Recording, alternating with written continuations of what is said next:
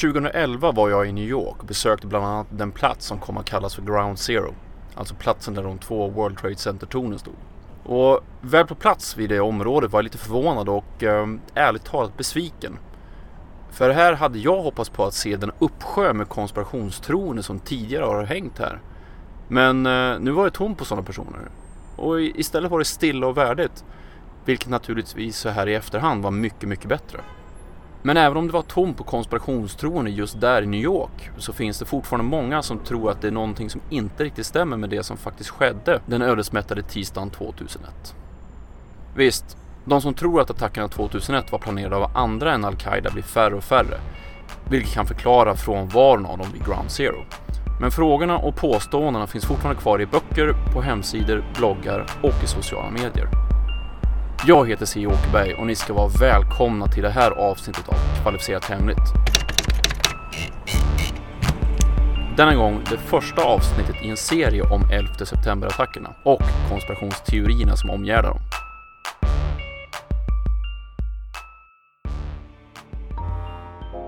So you're on a radio show and you talked about uh, 9/11, and you have um, is it a theory or you just you just don't believe the government account of what happened uh, on 9/11? And when 9/11 happened, there was on the very first day there was indications that, that Israel was involved, that Israel had prior knowledge. Why would the military industrial complex stage 9-11? To seize trillions in oil. That Israelis who worked at the World Trade Center were warned by the Israeli government to take the day off on 9 11. 9-11 was an inside job. We've got the proof, so face the truth. Att försöka berätta om den enorma mängd föreställningar och konspirationsteorier som omgärdar terrordådet den 11 september är alldeles för omfattande för ett kort program. Istället kommer jag i det här programmet att prata om det som skedde bortom tornen Pentagon och United 93. Och eh, längre fram i kommande program kommer jag titta närmare på vad som skedde just med World Trade Center-tornen samt Hus 7, Pentagon och United 93 som kraschade i Pennsylvania. Det här med att misstro offentliga förklaringar och redogörelser är inget konstigt för oss människor. Och det är hälsosamt att vara skeptisk. Men värt att tänka på är att till exempel antalet som tror på en konspiration, låt oss säga 11 september, absolut inte gör påståenden sanna. Och få har sagt det bättre än i den amerikanska tecknade serien South Park. Did they find out who crapped in the urinal yet? Not yet. They aren't going to find out who did it. But they'll make up a scapegoat, send him to detention, and make us all believe it. It'll be 9 11 all over again. Will you shut up about 9 11? Kyle, why are you so afraid of the truth? Because anybody who thinks 9 11 was a conspiracy is a retard.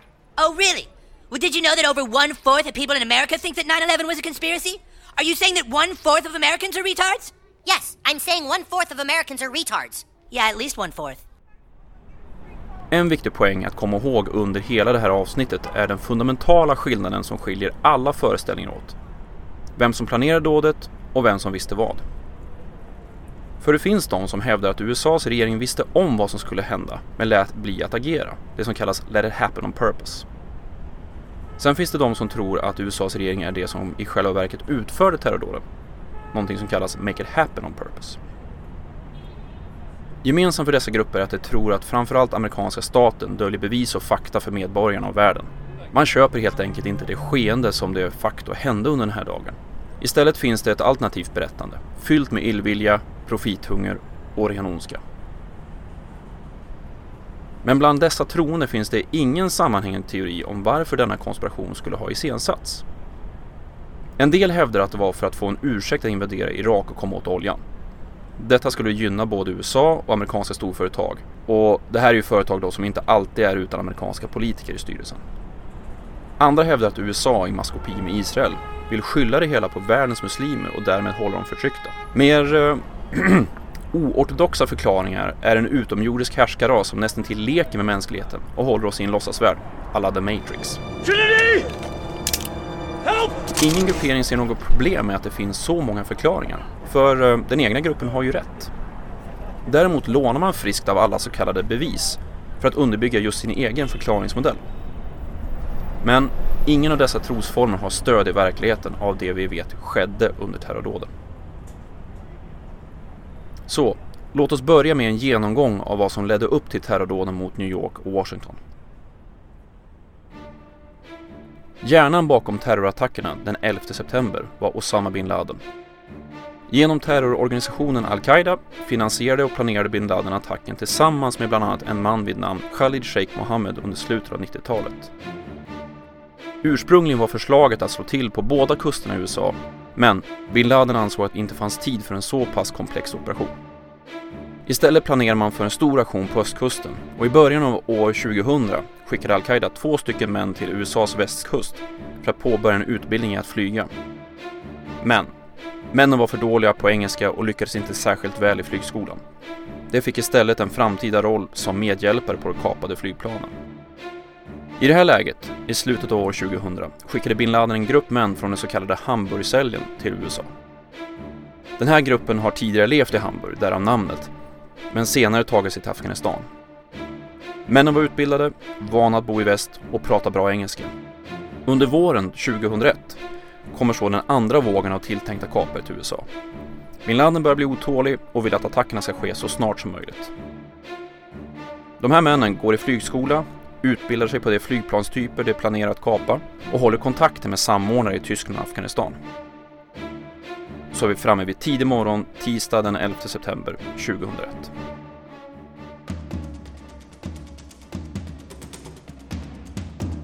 Kaparna flyger från Boston, man flyger från Newark i New Jersey och Dallas i Washington. Alla flyg ska till Kalifornien och skälet att terroristerna valt dessa flygningar är framförallt att planen är stora och fyllda med bränsle. Och resten som utspelar sig mer eller mindre framför världens ögon är tyvärr allt för känt. This just in, you are looking at a, obviously a very disturbing live shot there. That is the World Trade Center, and we have unconfirmed reports this morning that a plane has crashed into one of the towers. Klockan 08.46 flyger fem kaparna in med American Airlines nummer 11 i World Trade Center 1, norra tornet. Strax därefter, 09.03, flyger ytterligare fem kapare in med United Airlines 175 i World Trade Center 2, södra tornet. And there's more Oh, there's- explosions oh, right now. Hold there's- on, people are running. Wait, so hold, hold on. on just a moment. We've got an explosion inside. The That- building's exploding right now. You got people running up the street. Okay. Hold on, I'll tell you what's going on. Dryga halvtimmen senare flyger American Airlines 77 in i amerikanska försvarshögkvarteret Pentagon i Washington. You are looking at a scene of uh, apparent blast aftermath. There is smoke in the air over the Pentagon. Ett fjärde plan, United 93, kraschar rakt ned i marken klockan 10.03 utanför Shanksville, Pennsylvania. Passagerarna på planet har via telefoner fått reda på vad som har skett i New York och Washington. Man bestämde sig för att slå tillbaka, varpå terroristerna kraschade planet. People they Rick, work uh, with every- Rick, I'm going to have to break away from you. We're getting more ahead. information on the situation in Pittsburgh. Let me read directly off the Associated Press. Uh, a large plane crashed uh, uh, just north of the Somerset County Airport, 80 miles southeast of Pittsburgh. Det är vad som hände.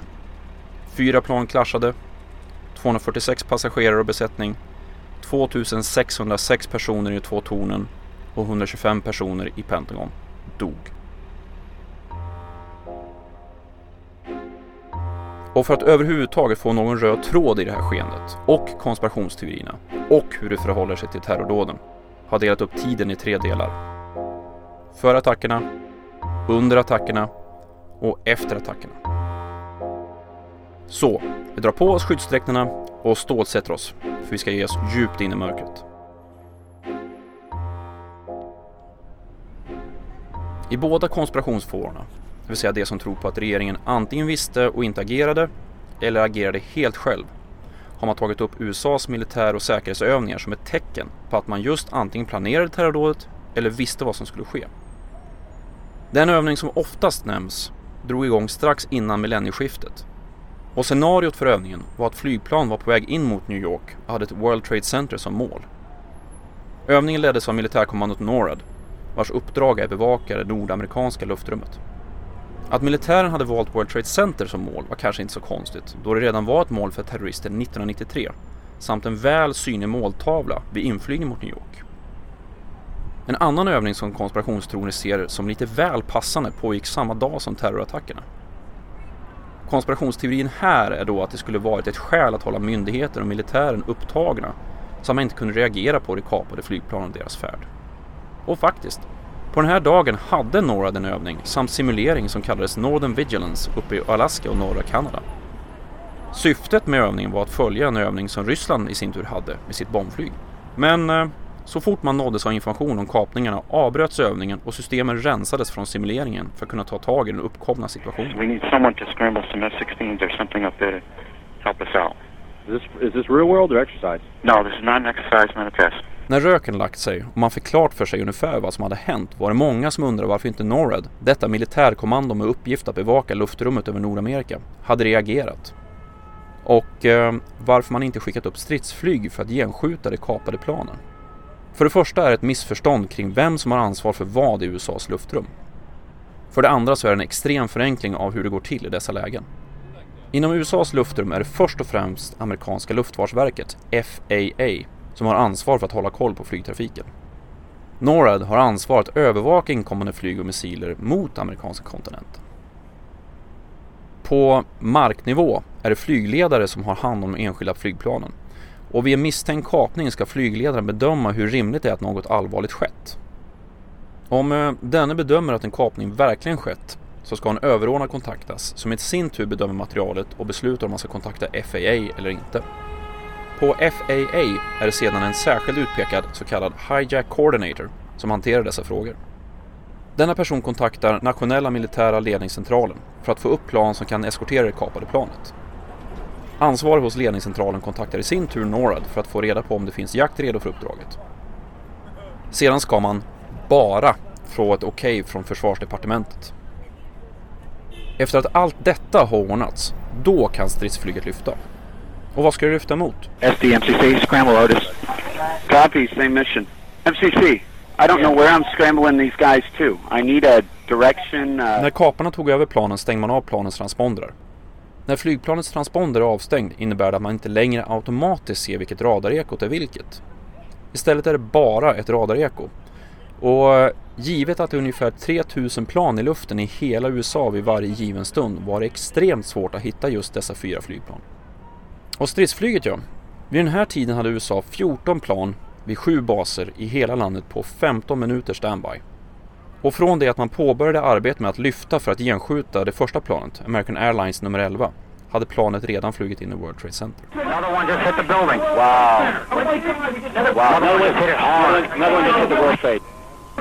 Building just uh, came apart. Holy smokes. All right, I guess you guys can be busy. En pusselbit i konspirationspusslet är passagerarnas telefonsamtal från det kapade planet till anhöriga och flygbolaget. Vi vet vilka det har ringt och att det vid flera tillfällen använde en så kallad airphone, alltså en fast telefon som fanns i flygplansstolen. Varför är det viktigt? Jo, för att konspirationstroende hänvisar till en källa som hävdar att dessa telefoner togs bort från flygplanen med antydan om att det inte fanns på planen 2001. Men vad källan inte nämner är att det togs bort först sista mars 2002 på grund av för dålig lönsamhet. Alltså var det fullt möjligt för passagerarna att använda telefonerna, vilket visas med loggar med information om vilket kreditkort som används, vilka nummer som ringts och hur långt samtalet var. Okay, my name is Betty Ong. I'm number three on flight 11. Okay. And the cockpit is not answering their phone. And there's somebody stabbed in business class.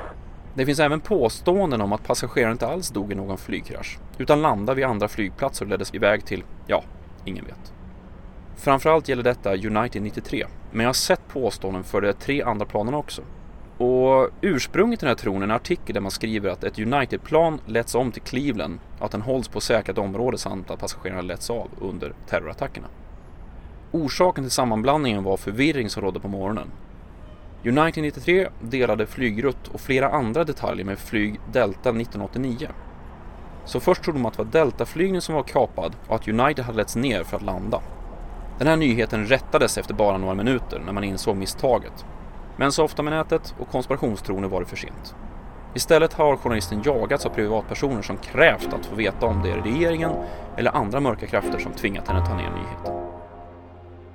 One final little problem is that several of these nine, 19 men, according to stories published on the BBC and in British newspapers, are still alive.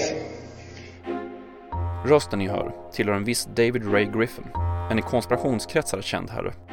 Han påpekar att flera av de kapare som påstods ha kraschats flygplanet fortfarande levde. Dessutom ska flera nyhetskanaler tagit upp detta. Till en början rådde det förvirring kring vilka kaparna var och vilka namn som används vid attackerna. Men eh, det som sällan nämns av konspirationstroende är att myndigheterna väldigt tidigt visste att kaparna använt sig just av stulna identiteter. Därför har det även rapporterats som om kaparna levde när det egentligen handlar om männen som fått sina identiteter stulna. Det här har förklarats i otalet artiklar, men naturligtvis får dessa ingen större spridning i konspirationskretsar. BBC, som är en av källorna som används för att bevisa att kaparna fortfarande var vid liv, har till och med gått ut med en förklarande artikel om varför det rådde förvirring i media till en början, men att det sen blev allt klarare vilka kaparna egentligen var. Och eh, kopplat till det här med att kaparna fortfarande skulle vara vid liv är situationen med kaparens pass som överlevde kraschen med World Trade Center-tornet. Officials found a passport belonging to one of the terrorists. That was apparently found a couple of blocks away because when uh, one of the planes, or the first plane, slammed into the uh, tower, you could see it on the video in fact, debris flew out the other end. Två kvarter bort från tornet hittades passet och det har tagits som intäkt för att det skulle vara planterat för att etablera kaparen som en passagerare. Detta då enligt det troende bara, och jag använder ordet lätt ironiskt, passet och en del av noshjulet från American Airlines nummer 11 överlevt kraschen. För eh, hur kan en så pass lättantändlig del klara sig i en krasch i ett hus och sen slungas iväg? Återigen återkommer frågan, varför skulle konspiratörerna göra så? Kaparens namn fanns ju redan med på passagerarlistan, så att etablera namnet behövdes ju inte. Och dessutom klarar sig många små och stora detaljer från de kraschade flygplanen. Flytvästar, kuddar från sätena, ID-kort, plånböcker med mera. Listan kan göras lång, men det här påståendet är motbevisat. Timmarna efter attackerna var kaotiska, både på plats och i media. Rykten var i full swing. Skulle komma fler plan? Var det hela över? Eller var det bara i väntan på den riktigt stora smällen? Mitt i allt det här kaoset kom det att bli många rykten som rapporterades utan omsvep för en nyhetstörstande publik. Nyhetsinslag om en vit van med sprängmedel. Two suspects are in FBI custody after a truckload of explosives was discovered around the George Washington Bridge. Fler explosioner, gripanden och bombfynd gick om vartannat. Ett exempel på rykten som fått sin alldeles egen spin är historien om de dansade israelerna. Det gick till ungefär så här. En kvinna såg män ovanpå en van utanför hennes hus i New Jersey. Alla iakttog de vad som försiggick på Manhattan.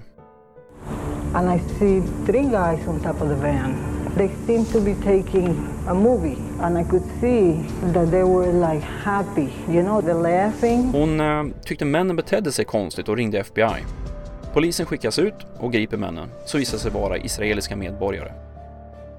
Andra vittnesmål vill göra gällande att de ska ha dansat och gett varandra high-fives ungefär som de firade. Efter gripandet hålls de kvar i tio veckor och efter att de helt friade från misstankar kring inblandning i terrordådet skickas de tillbaka till Israel då de inte har tillstånd att vistas längre i USA.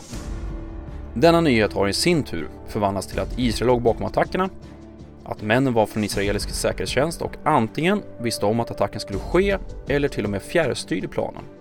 Eller att männen på annat sätt var inblandade i attentatet. Och eh, det är här som konspirationsvärldens antisemitism på ett väldigt tydligt sätt bubblar upp till ytan. För det är inte bara den här historien, att israeler skulle firat attackerna, som börjar få spridning. Nu ryktas det om att personer med judisk bakgrund ska ha fått meddelande om att hålla sig borta från World Trade Center på morgonen den 11 september. That Israelis who worked at the World Trade Center were warned by the Israeli government to take the day off att ett israeliskt företag hade fått förhandsinformation om attackerna. Att Israel låg bakom det här för att få med sig USA mot resten av arabvärlden. Och så vidare, och så vidare, och så vidare, och så vidare, och så vidare. Och som jag nämnde i början av programmet är det nästan till omöjligt att täcka in de flesta konspirationsteorier som finns kring 11 september. Dels för att det alltid tillkommer nya påståenden och dels för att det tar sån enorm tid att motbevisa varje litet påhitt som kommer fram. Det är som man säger, att berätta en lögn tar fem sekunder. One, two, three, four, Att motbevisa en lögn tar 5000 One, two, sekunder. three, four, five, six, seven, eight, nine, ten. För att avsluta på en liten positiv not tar vi ytterligare ett citat från tv-serien South Park, där en av huvudpersonerna resonerar sig fram till hur allt hänger ihop kring just 11 september. So now, the inevitable question. If terrorists didn't cause 9 11, who did? Remember that there are, in fact, two towers. 2 minus 1 is 1. 1, 1, 11. 2 minus 1 is 1. 1, 1. And there are nine members on Silverstein's board of directors. That's 911. 911. And take 2 minus 1 plus 911, and you get 12. Which leads us all to the mastermind of the 911 attacks. Kyle. Du har lyssnat på Kvalificerat Hemligt, en poddradio om konspirationsteorier och vetenskap. Länkar till musiken, videoklipp och annat som nämns i programmet återfinns på programmets hemsida, khpodden.se. Jag heter C. Åkerberg och tack för att du har lyssnat.